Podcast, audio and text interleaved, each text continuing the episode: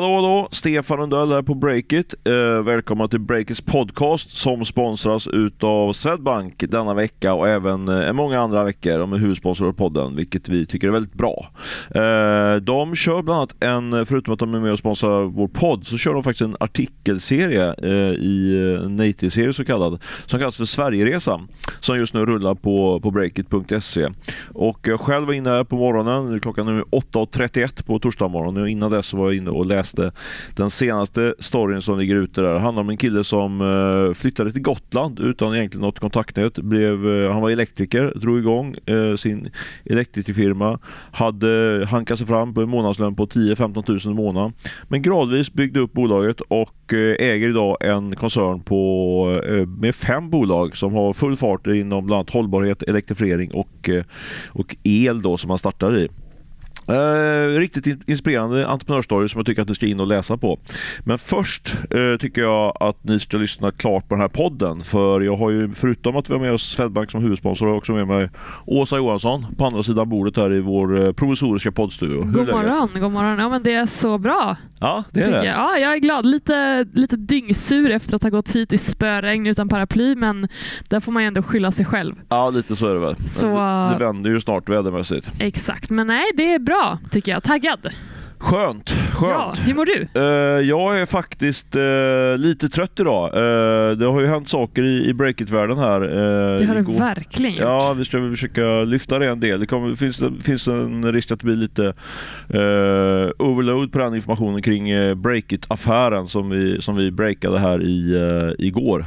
Jajamensan. Det var faktiskt, var faktiskt branschsajten Dagens Media som var först med den nyheten. Så man ska credda den som creddas bör. och därför är jag lite trött idag för jag var ute på en liten middag igår.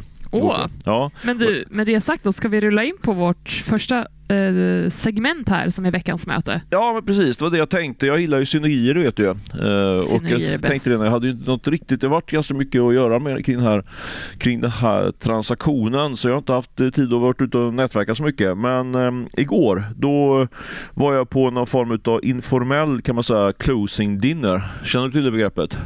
Informell closing dinner? Är det liksom att man helt enkelt uh, firar att nu är, det, nu är det gjort? Ja men precis, och normalt sett brukar man fira, fira tillsammans med den nya, nya, den nya storägaren då så att säga. Ja. Uh, men det gjorde inte vi. Vi fokade på, på, på, våra, på våra, våra andra våra gamla investerare. Så det var ett gäng, eh, gäng breakit-ägare där som var där och folk som varit med och byggt upp Eh, bolaget. Det var en ganska liten, en liten tillställning. Men fram, bland annat hade vi med oss eh, Frick Persson och eh, Staffan Persson som varit med oss från start. Eh, och även Mikael Pavlova gick förbi där. Han är ju grundare utav Mr Green och Bokio.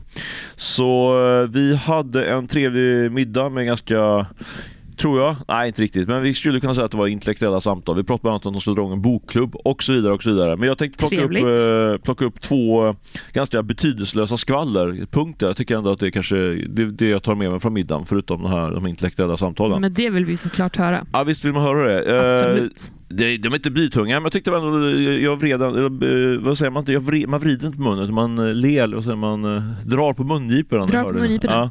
Ja. Eh, apropå det med closing dinner då, som vi pratade om så, så berättade faktiskt Mikael Pavlov, han sålde ju sitt eh, Boku här för ungefär, när, jag tror det var 14 månader sedan.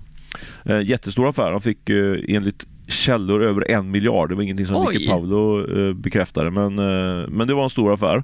Eh, och så var, det var en bra affär också för han, en av hans eh, stora investerare, Creandum. Folk, Johan Brenner det var den som var partner i, på Creandum som liksom gjort den här investeringen. Men det lilla skvallret var att eh, man brukar ändå ha, vi hade ju vår, liksom, vad ska man säga, vår lite informella closing dinner typ 10 timmar efter att vi hade closat. Men eh, Johan Brenner har fortfarande inte bjudit på den här closing dinner 14 månader efter, så han ligger, eh, ligger efter. Uh -oh. Ja, då är det bara att steppa upp här. ja, det tycker jag. Så han, eh, Johan får, får, får, lite, får lite fart på sig. Sen det andra skvallret var, vi hade med oss Viggo Körman som, var, som är ordförande i Breakit och har också varit tillförordnad VD under ett tag. Så han var med på middagen också. Och han berättade när han sålde sitt bolag Splay att eh, då hade han också en middag för sina rådgivare. Du vet så här eh, advokater som är inne och fixar, fixar ja. till affären. Och eh, då berättade han att han fick pröjsa 70 000 på den middagen. Det var inte ganska mycket. 70 lax för en middag? Ja, de var väldigt törstiga sa han. Förlåt, men det är ju lite sjukt. Ja, det är stört. Det är 70 helt... lax för en middag? Hur många var där? Ja, det framgick inte riktigt. Men, eh, Var det så vi, här fem personer? Typ? vi satt på en restaurang och han sa att han trodde att vi satt på samma bord som, vi, eh, som när de hade och vi var ett sju runt bordet. Så att, eller om det var säkert. jag Vart inte var ni någonstans då? ihåg. Eh, Det var eh, på Rish faktiskt. Var ni på Rish? Ja, på jag Rish. skulle gissa det Det alltså. var ju där som st- storyn om breaket började faktiskt. Jag tog en, eh, en frukost med eh, min Ljungskile, en Ljungskilebördig, jag kom från Ljungskile också, Erik Giseus. Han kunde tyvärr inte vara med igår för han hade barnkalas faktiskt. Men det var där vi träffades. prioritera. Ja, så var där vi träffades. Så det var lite kul att cirkeln slut, där. Men jag, jag tröstar mig med det att eh, Viggo har fått eh, chippa in 70 papp när jag, för jag, jag och Olle eh, Aronsson, min medgivare, vi fick ju ta notan igår så det, det sved ju lite grann. Men, eh, Vad gick det på då? Eh, 7000 spänn kostade det. Så det var bara en tionde. Totalt? Ja, totalt. Ja, det- det, det var ju inte så så himla farligt. Nej, inte efter man har inte. hört det här 70 lax-notan. Nej, du vet ju jag, jag är en jag är försiktig, jag är en jag är ingen festprisse direkt. Så det, det, blev, det blev väldigt lugnt och städat. Alltså 70 lax för middag. Vi går alltså. Herregud, det var lite spelare. sjukt faktiskt. Usch, jag får lite dåligt samvete nu. Han kanske inte vill att jag säger det i podden, men det får han leva med. Det får han leva med, Ja. herregud. Men eh, ja, bra skvaller. Ja, du tyckte ändå Ja, det, funkar. tyckte jag. Det, var, det var starkt. Starkt. Du då, vad är ditt möte? Ja, men mitt möte den här veckan har varit med en person som heter Asra Osamovic. Eh, och hon är chef för affärsutveckling av innehållet på Viaplay Group. Hon är också VD och medgrundare för legaltechbolaget Justic och hon är styrelseledamot i flera bolag. Många järn i elden helt enkelt. Verkligen, verkligen. Och jag snackar med henne med anledning av att hon har i eh, sent igår kväll faktiskt, eller inte så sent, vi är sju, det är kvällskvisten snarare. Du går lägre tidigt. Exakt. ja, men, eh, igår kväll då i alla fall utsågs hon till framtidens kvinnliga ledare. Ja, Så- hon alltså, hon är en av dem eller var det hon som är Nej, som- hon. Ja, okej. Hon fick den här utmärkelsen av eh, Ledarna, Ja. eh, som är en av Sveriges då största organisationer för chefer. Och de delar ut den här utmärkelsen som en del av deras arbete för att förändra bilden av ledarskap som en manlig arena. Då. Så att eh, det var jättekul att hon fick den utmärkelsen.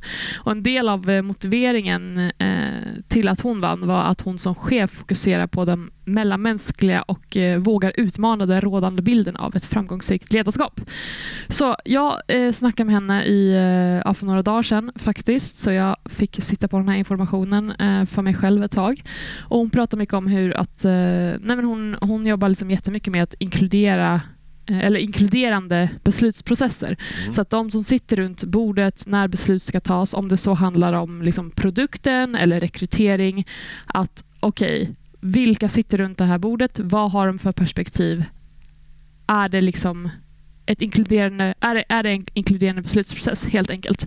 Eh, Alltså att alla ska få, få komma med sin, eh, sin sägning till eller att alla ska vara med och bestämma eller, liksom, eller vad? Nej. Alltså det ska vara att, att, att de som sitter runt bordet, om jag förstod det rätt, inte ska vara exakt samma typ av människa. Ah, Okej, jag fattar. Ah. Om man säger så. Ja. Ehm, och det här, ja, vi pratar jättemycket om det här och eh, ja, jätteintressant verkligen. Tänker inte spoila allt här. In och läs på break.se. Men någonting som hon också lyfte var liksom just i, på techscenen, vad finns det för utmaningar? För vi pratar mycket om att eh, Sverige som technation då är ju helt, helt fantastiskt egentligen, rakt upp och ner. Eh, men det finns ju några saker som skaver som vi må, verkligen måste se till att, eh, att göra någonting åt helt enkelt. Dels klimatfrågan. Där har tech ett gigantiskt eh, ansvar, eller hon sa inte att, att det är ett gigantiskt ansvar, men det är en väldigt stor fråga där, eh, där tech har ett stort ansvar och måste ta ett stort ansvar. Cybersäkerhet var en annan grej. Nu med hela den nya AI-boomen så blir det superviktigt att den här utvecklingen sker, alltså rent tekniskt sker på ett etiskt sätt och ett sätt som skyddar den personliga integriteten. Där får vi inte hamna efter. Och såklart jämställdhetsfrågan där kvinnor fortfarande är eh, underrepresenterade i näringslivet, eh, rakt upp och ner. Eh, dels är det svårt att få in kapital och hon menar då att vad ska man göra åt det här? Jo, de som sitter på kapitalet behöver jobba på ett annat sätt. Och hon säger att hon hör många alltså VC-bolag och ängel, ängelinvesterare prata om att man ska titta mer på diversifierade grundarteam och att man ska satsa mer på kvinnliga entreprenörer. Men det är väldigt mycket snack. Det är liten verkstad och där Mm. menar hon att man måste agera, inte bara prata. Så ja, in och läs den här på break.se. Intressant, en brandfackla där från, eh, jag känner faktiskt inte till henne, Asra, men henne ska jag läsa artikeln och även uh, ha koll på framöver. Verkar ha, som du säger, många järn i elden ja, och verkligen. smarta, smarta åsikter. Men du, eh, jag tycker att vi rullar vidare på våra snackisar och mm. Eh, ja, vi har redan kommit in på det lite grann och eh, ja, det var väldigt skönt den här veckan för den här snackisen skrev ju sig själv så att säga.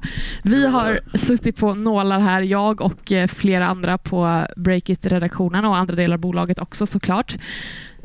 För igår kom ju nyheten som ja, skakat lite grann ändå, eh, Media-Sverige och Tech-Sverige.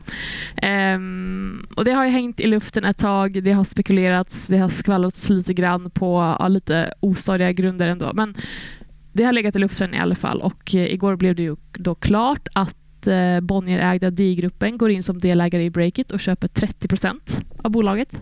Och Stefan, du är ju medgrundare här av vår kära arbetsplats och jag vill ha alla detaljer och har förberett ett frågebatteri där jag har tänkt grilla dig. Men först och främst, hur känns det? Ja, men lite eh, dagen efter måste jag säga. Det var, det var en väldigt intensiv dag igår och eh, det var ju tusen eh, samtal som skulle ringas för att man skulle få till, få till den här affären. För att eh, vi är ganska många aktieägare, typ 25 aktieägare ungefär och alla måste skriva under det här, alla de här papperna i, i tid innan loppet tar typ en timme och så där jagar jag och andra runt där för att få in, få in underskrifterna.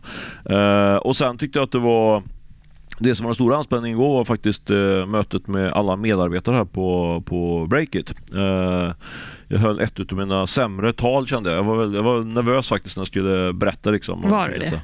Ja, jag kände att jag inte fick till det riktigt. Så jag hade liksom, jag, jag, det var en blandning mellan att jag brukar ju vara lite, lite skämtsam och lite driva lite grann med mig själv och så i mina tal kanske. Eller ta, men liksom när jag snackar, ju, ja. håll, ställ, res mig upp och snackar om någonting.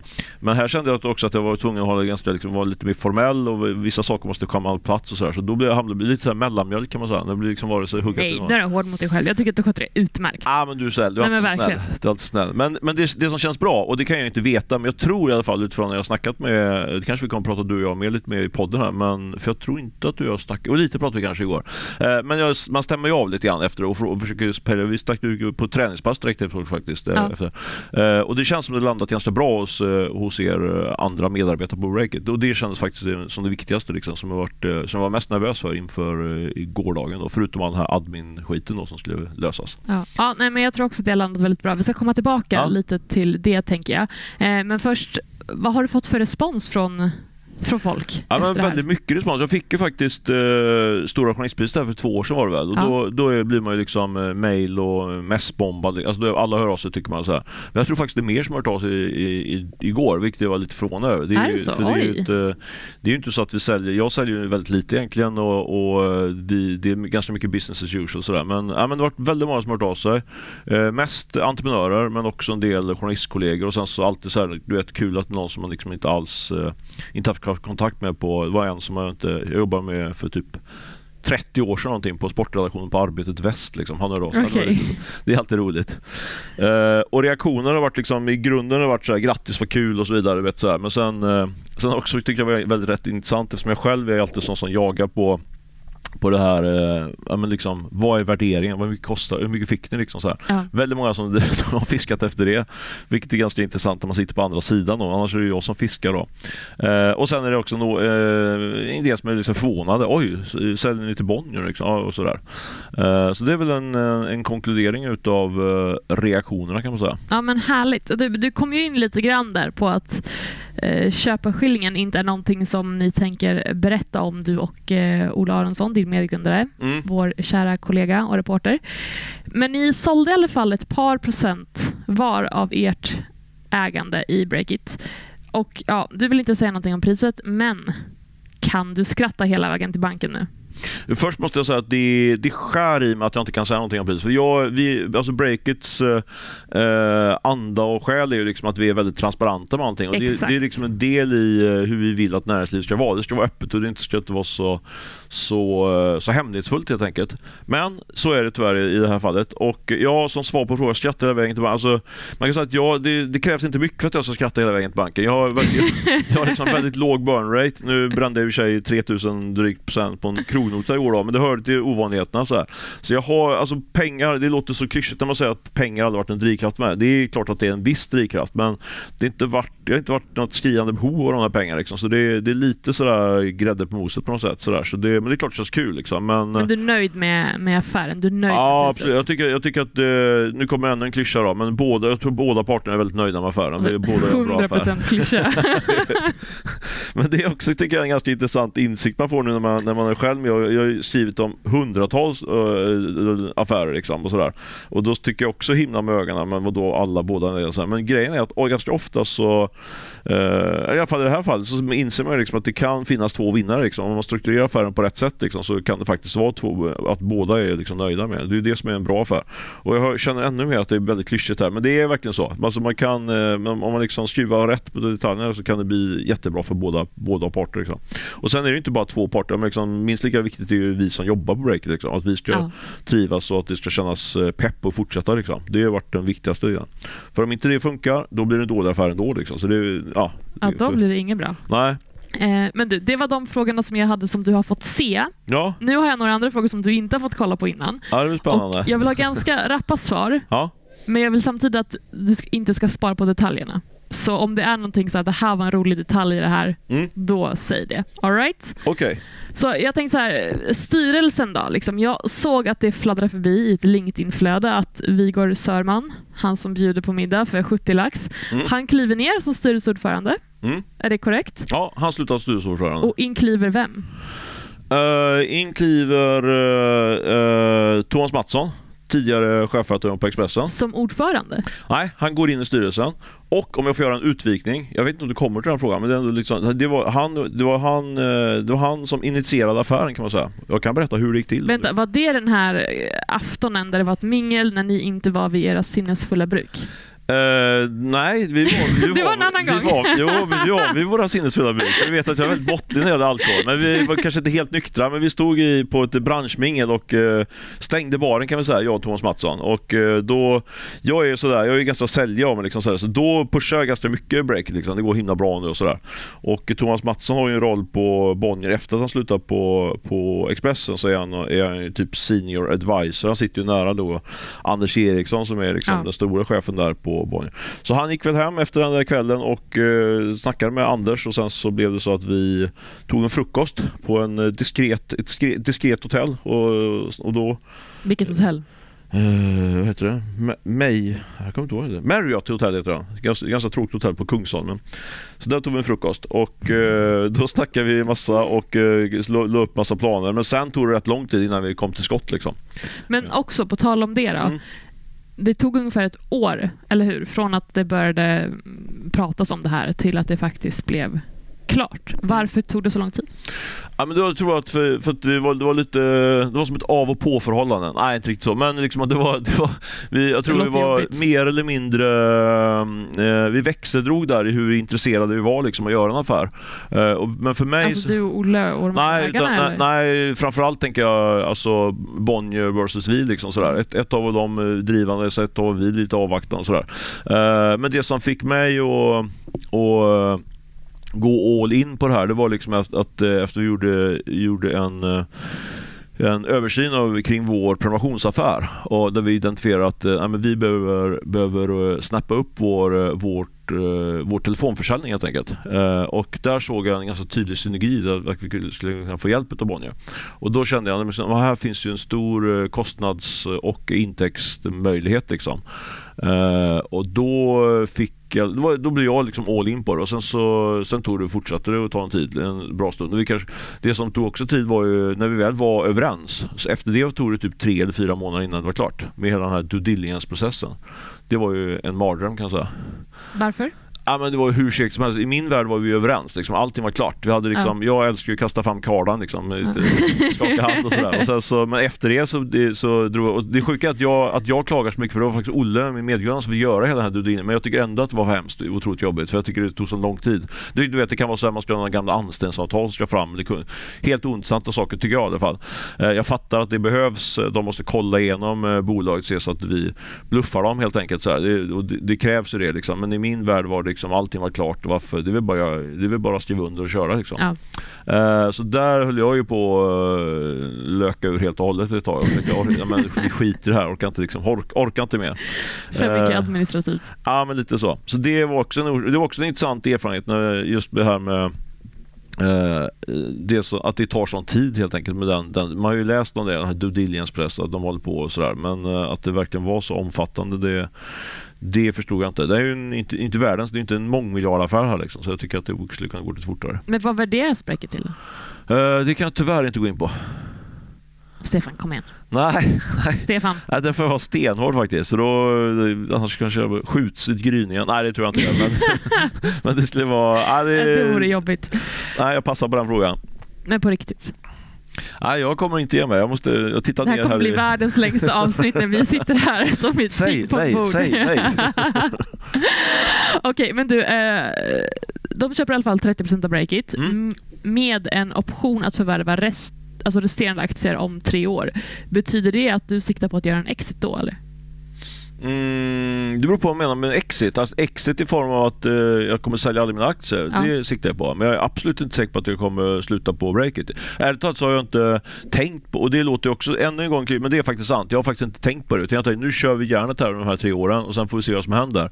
Men om jag ändå ska tänka lite efteråt så, så jag jobbar på, på Dagens Industri inom Bonniersfären i 15 år. Jag tycker att de är ett riktigt bra, en riktigt bra eh, arbetsgivare och partner. Liksom. Så jag kan mycket väl tänka mig att jag kommer fortsätta jobba med Breakit i 20 år till. Liksom. Så det, men det vet jag inte. Men eh, exit i form av att jag kommer sälja aktierna. Ja, om det går, om det går som vi hoppas så kommer jag sälja mina aktier om tre år.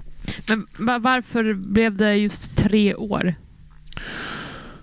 Ja, det är väl en förhandlingsgrej egentligen. Bra fråga. Jag undrar om inte det, det förslag kom från eh, Bonnier liksom, och så, så utgick vi från det. Liksom. det brukar, ibland är det sådana här earnout på ett år, ibland tre år. Så jag fick, fick den responsen från eh, någon aktieägare faktiskt. Oj, det var ganska länge. Liksom, sådär. Så det, men i min värld så är vi väldigt långsiktiga i det här samarbetet med, med Bonnier. Så jag tyckte inte att det var någon stor issue utan eh, tvärtom så känns det skönt. Då. Men nu har vi liksom tre år på att bygga det här så, och liksom få ut de synergierna som jag tror man kan få ur det här samarbetet. Ett år har varit lite kort liksom.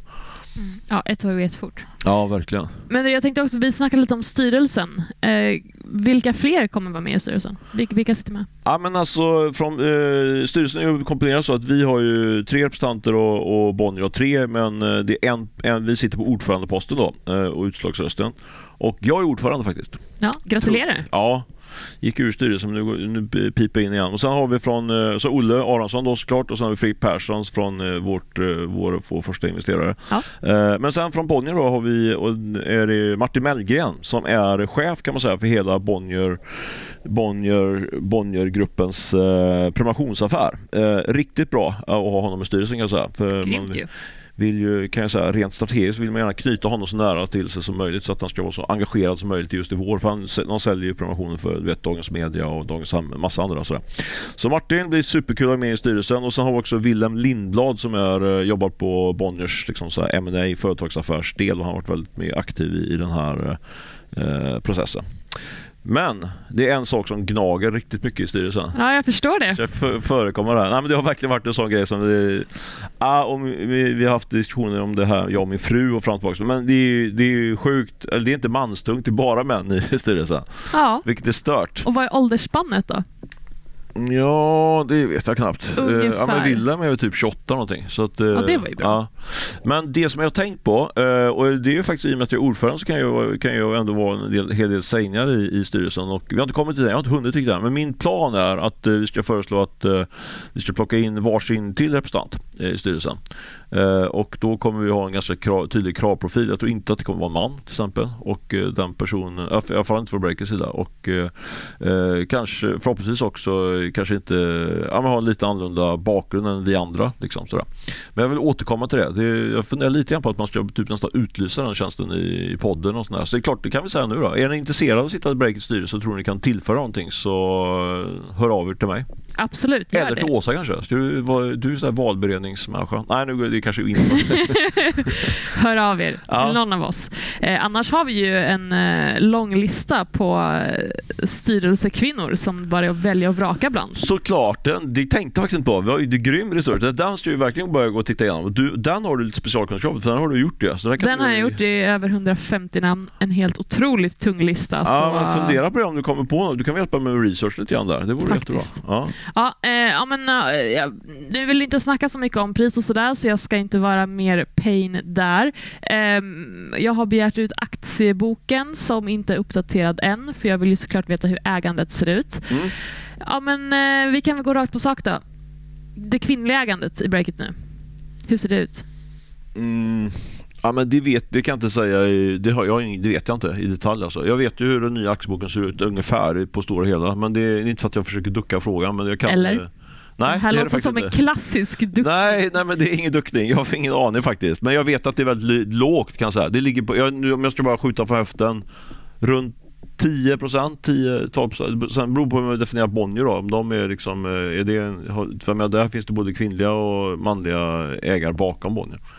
Eh, ja, typ så. Så inga kvinnor i styrelsen och eh, typ 10% kvinnligt ägande i Breakit. Ja, i dagsläget ja. Men jag försöker göra något åt i alla fall styrelsen. Eh, ägandet, det är ju, det är svår, det är svårt med ägandet. Det är som det är. Kanske mer hopp för styrelsen då. Ja, Eh, Okej, ja men du, nu innan tiden drar iväg. här, Jag tänkte också Mm. så här.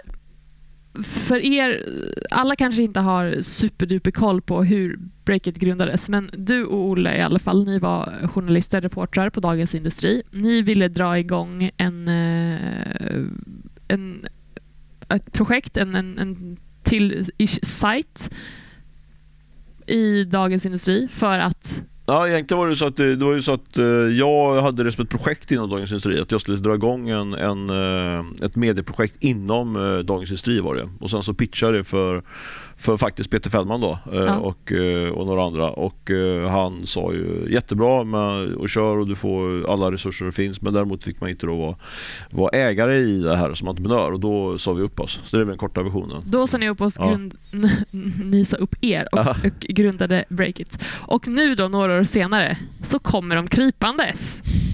Ja, Hur ja. känns det? Är inte det lite av en revansch? Alltså det är ju, det är ju en rolig story det här. Ja, men det, det är väl lite grann sådär den här cirkeln slut och så vidare. Men, men samtidigt, vi kör ju vidare själva. Det är vi som har kontrollen över bolaget. Det är ändå viktigt att poängtera det. Det är jag och jag, vi Än grund- så länge. Ja, men det, så är det. Det är det som man får förhålla sig just nu. De närmaste tre åren så är det, är det grundarna tillsammans med, med några av de ursprungliga storägarna som har kontrollen över bolaget. Uh, men det är klart att det finns någon form av någon kul uh, twist på det där. Liksom. Men, uh, men komma krypande kan jag inte påstå att de gjorde. Liksom. Det, att, det, nej, det, jag håller inte riktigt med om den beskrivningen. Utan det här är liksom något som vi båda tycker det är en bra och smart eh, strategisk affär. Liksom. Det är verkligen det som är huvud. Så det finns, nej, revansch tycker jag, nej, det, det känner jag faktiskt inte ärligt talat. Och du vet att jag är ganska ärlig. Ganska ärlig. Okej. Eh, ja men du, jag tycker att vi nöjer oss med frågorna där. Jag känner mig helt svettig här efter det här. Det, det är bra. Du pushar så på. här. väl inte. Nej, absolut inte. Det får man leva med. Eh, lite, lite tryck får man ha när man gör en sån här affär. Men du, nu Åsa, har du grillat med ändå? I någon form, uh, någon märks har du grillat med. Men jag vill ju såklart veta vad, vad du tycker. Vad, vad känner du kring hela, den här, hela det här härket?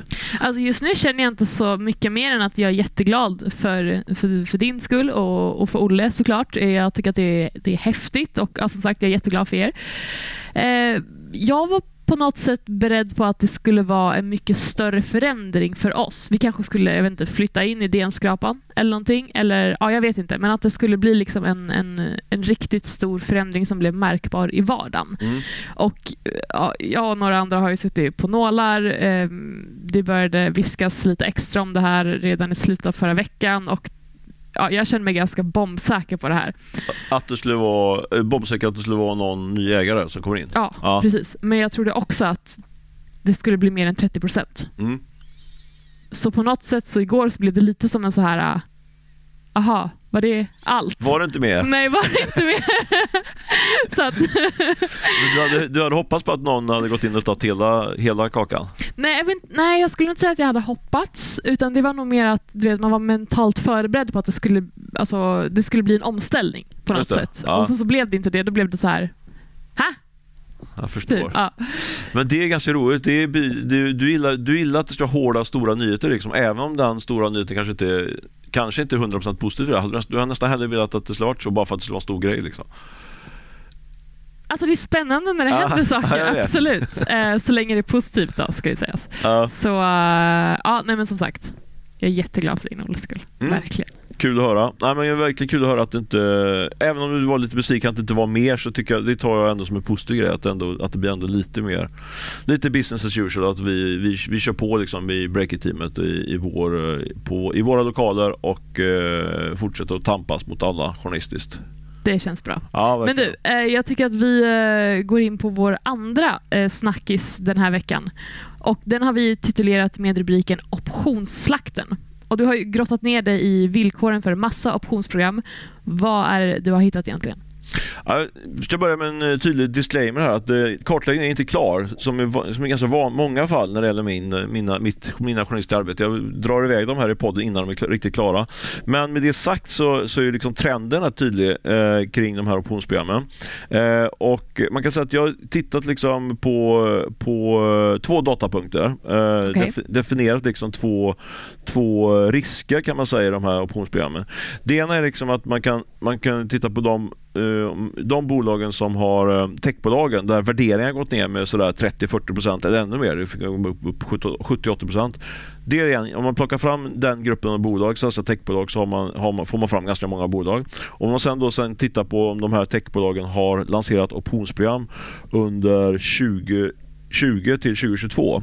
Eh, då ser man att eh, då får man fram liksom en lista på bolag som är kan man säga at risk i det här fallet. Okej. Och varför är de det då at risk? Liksom? Normalt sett så är ju ett optionsprogram, det finns ju massa variabler i det, men jag ska säga att två, de två viktigaste delarna i optionsprogram, dels är det löptiden, alltså hur lång tid det tar innan man kan lösa in något aktier och få, få ut pengar. Och den är ofta tre år. Och sen är det något som kallas för strike price eller teckningskurs.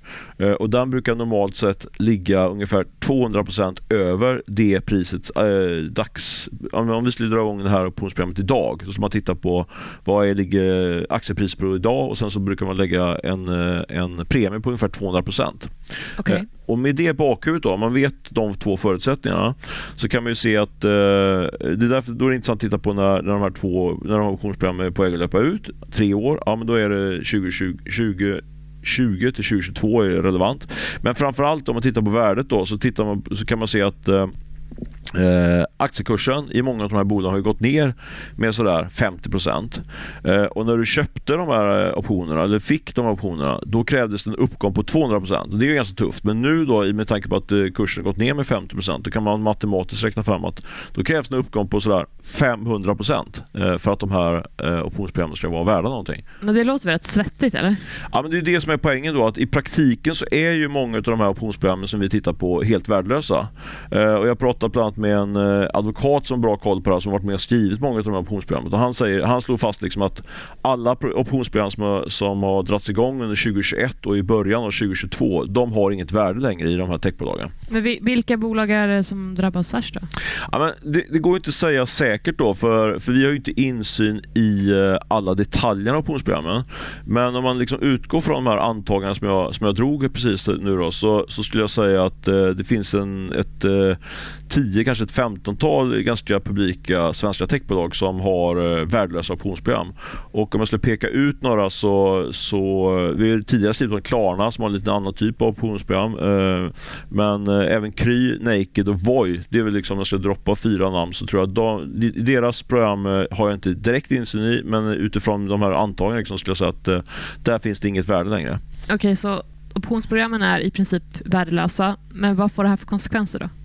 Ja, men det, det får ganska stora konsekvenser tror jag. För, för man får ju de här eh, optionsprogrammen, anledningen till att man, ger ut optioner är ju för att man, eh, man går kanske till, till ett eh, snabbväxande techbolag istället för att man går till ett stort etablerat industribolag.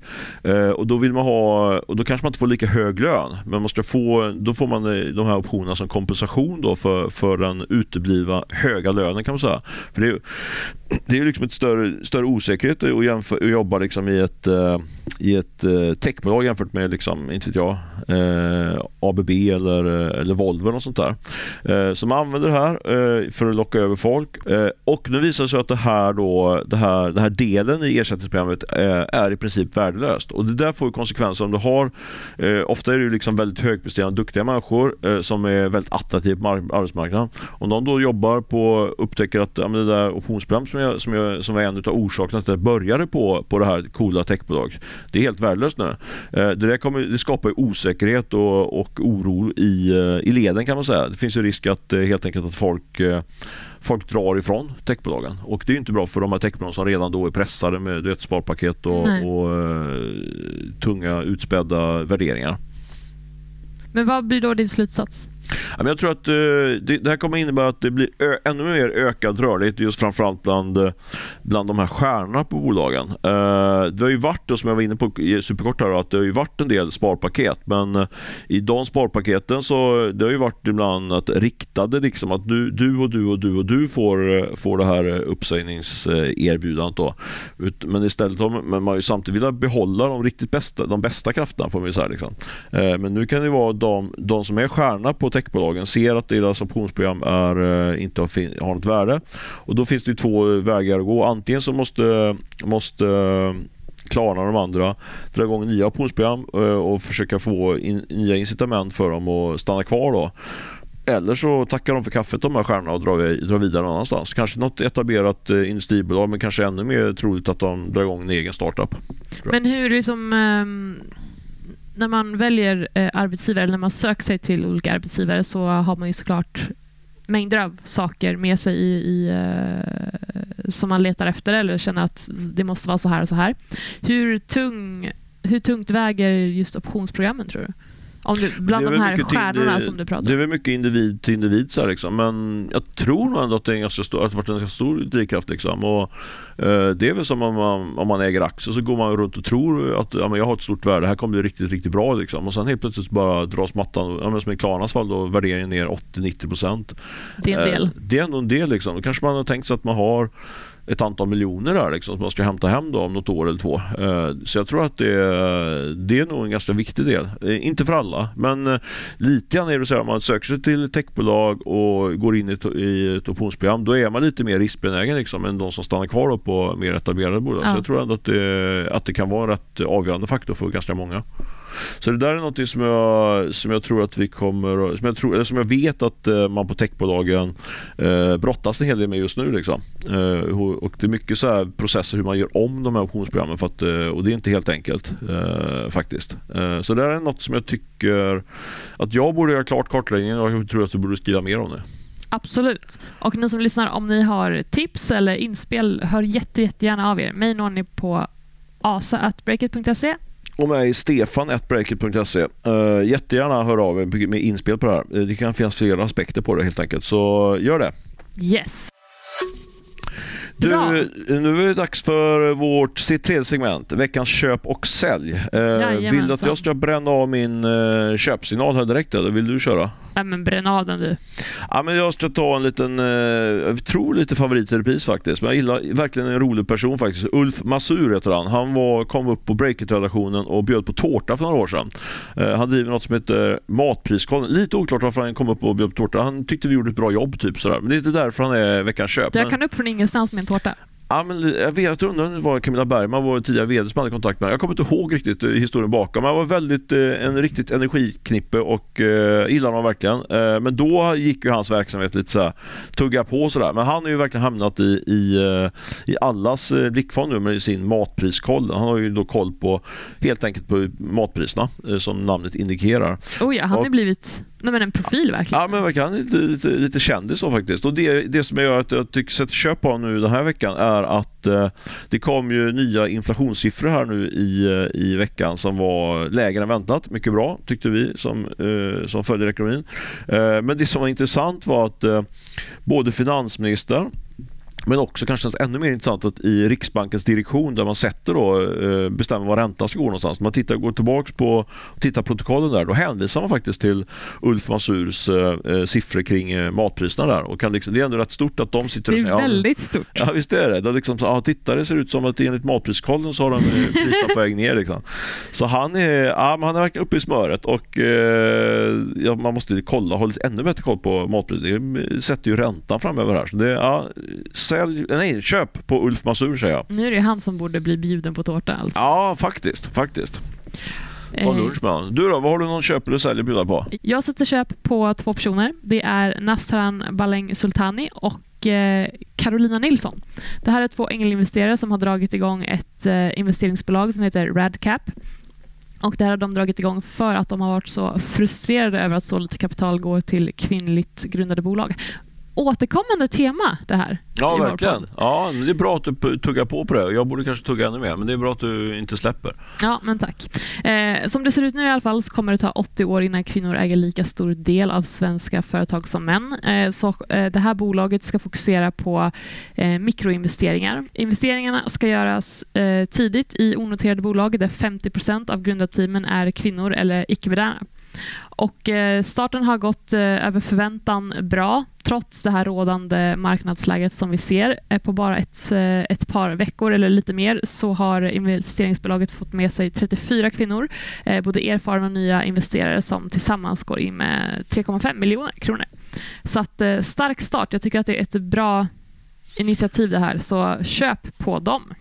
Köp på dem. Bra start men jag tycker ändå de kan tycka 3,5 miljoner kronor. Det räcker ju en bit men de kan eh, De ska få med sig någon riktigt rik kvinna också så kan de eh, uppa det där lite grann. Ja verkligen. Vi får hålla ett öga där och se hur det går. Tycker jag. Men bra initiativ. Eh, du, veckans sälj sätter jag på, på sparkcyklar helt enkelt. På de här skoter, skoterna som åker runt på Stockholms gator och även andra gator runt om i Europa spännande utifrån ett eh, bolagsperspektiv där. För det kom nu precis på morgonen att Sifted, eh, den eh, internationella techsajten, de berättar att eh, en av de här stora spelarna i det här segmentet, Tear, är på väg att säljas. Eh, bland annat Lime har tittat på att köpa dem men det verkar vara så att Bolt kommer att köpa Tier inom ett par veckor. Och det tycker jag är en intressant eh, del i det här konsolideringsracet som vi kommer få se tror jag bland sparkcyklarna. Det har ju varit, var ju hetast man kunde investera i för kanske två år sedan och sånt där. men sen har det ju har ju värderingar rasat i, i eh, de här sparkcykelbolagen, bland annat i svenska Voi och eh, jag tror att vi kommer att få se fler affärer här. Så det blir spännande att se om Voi kanske ger sig in i, i uh, striden på något sätt. Antingen att de köper eller säljs. Uh, vet du, Tier ägs också av, har en stor ägare i form av Norson, svenska riskkapitalbolaget. Så i en, i en bred bemärkelse sätter jag sälj på sparkcyklar. Ja, du, det förstår jag. Det har varit väldigt många turer om de här älskade och hatade fordonen. Um, ja, men bra där. Stark, ja. stark sälj.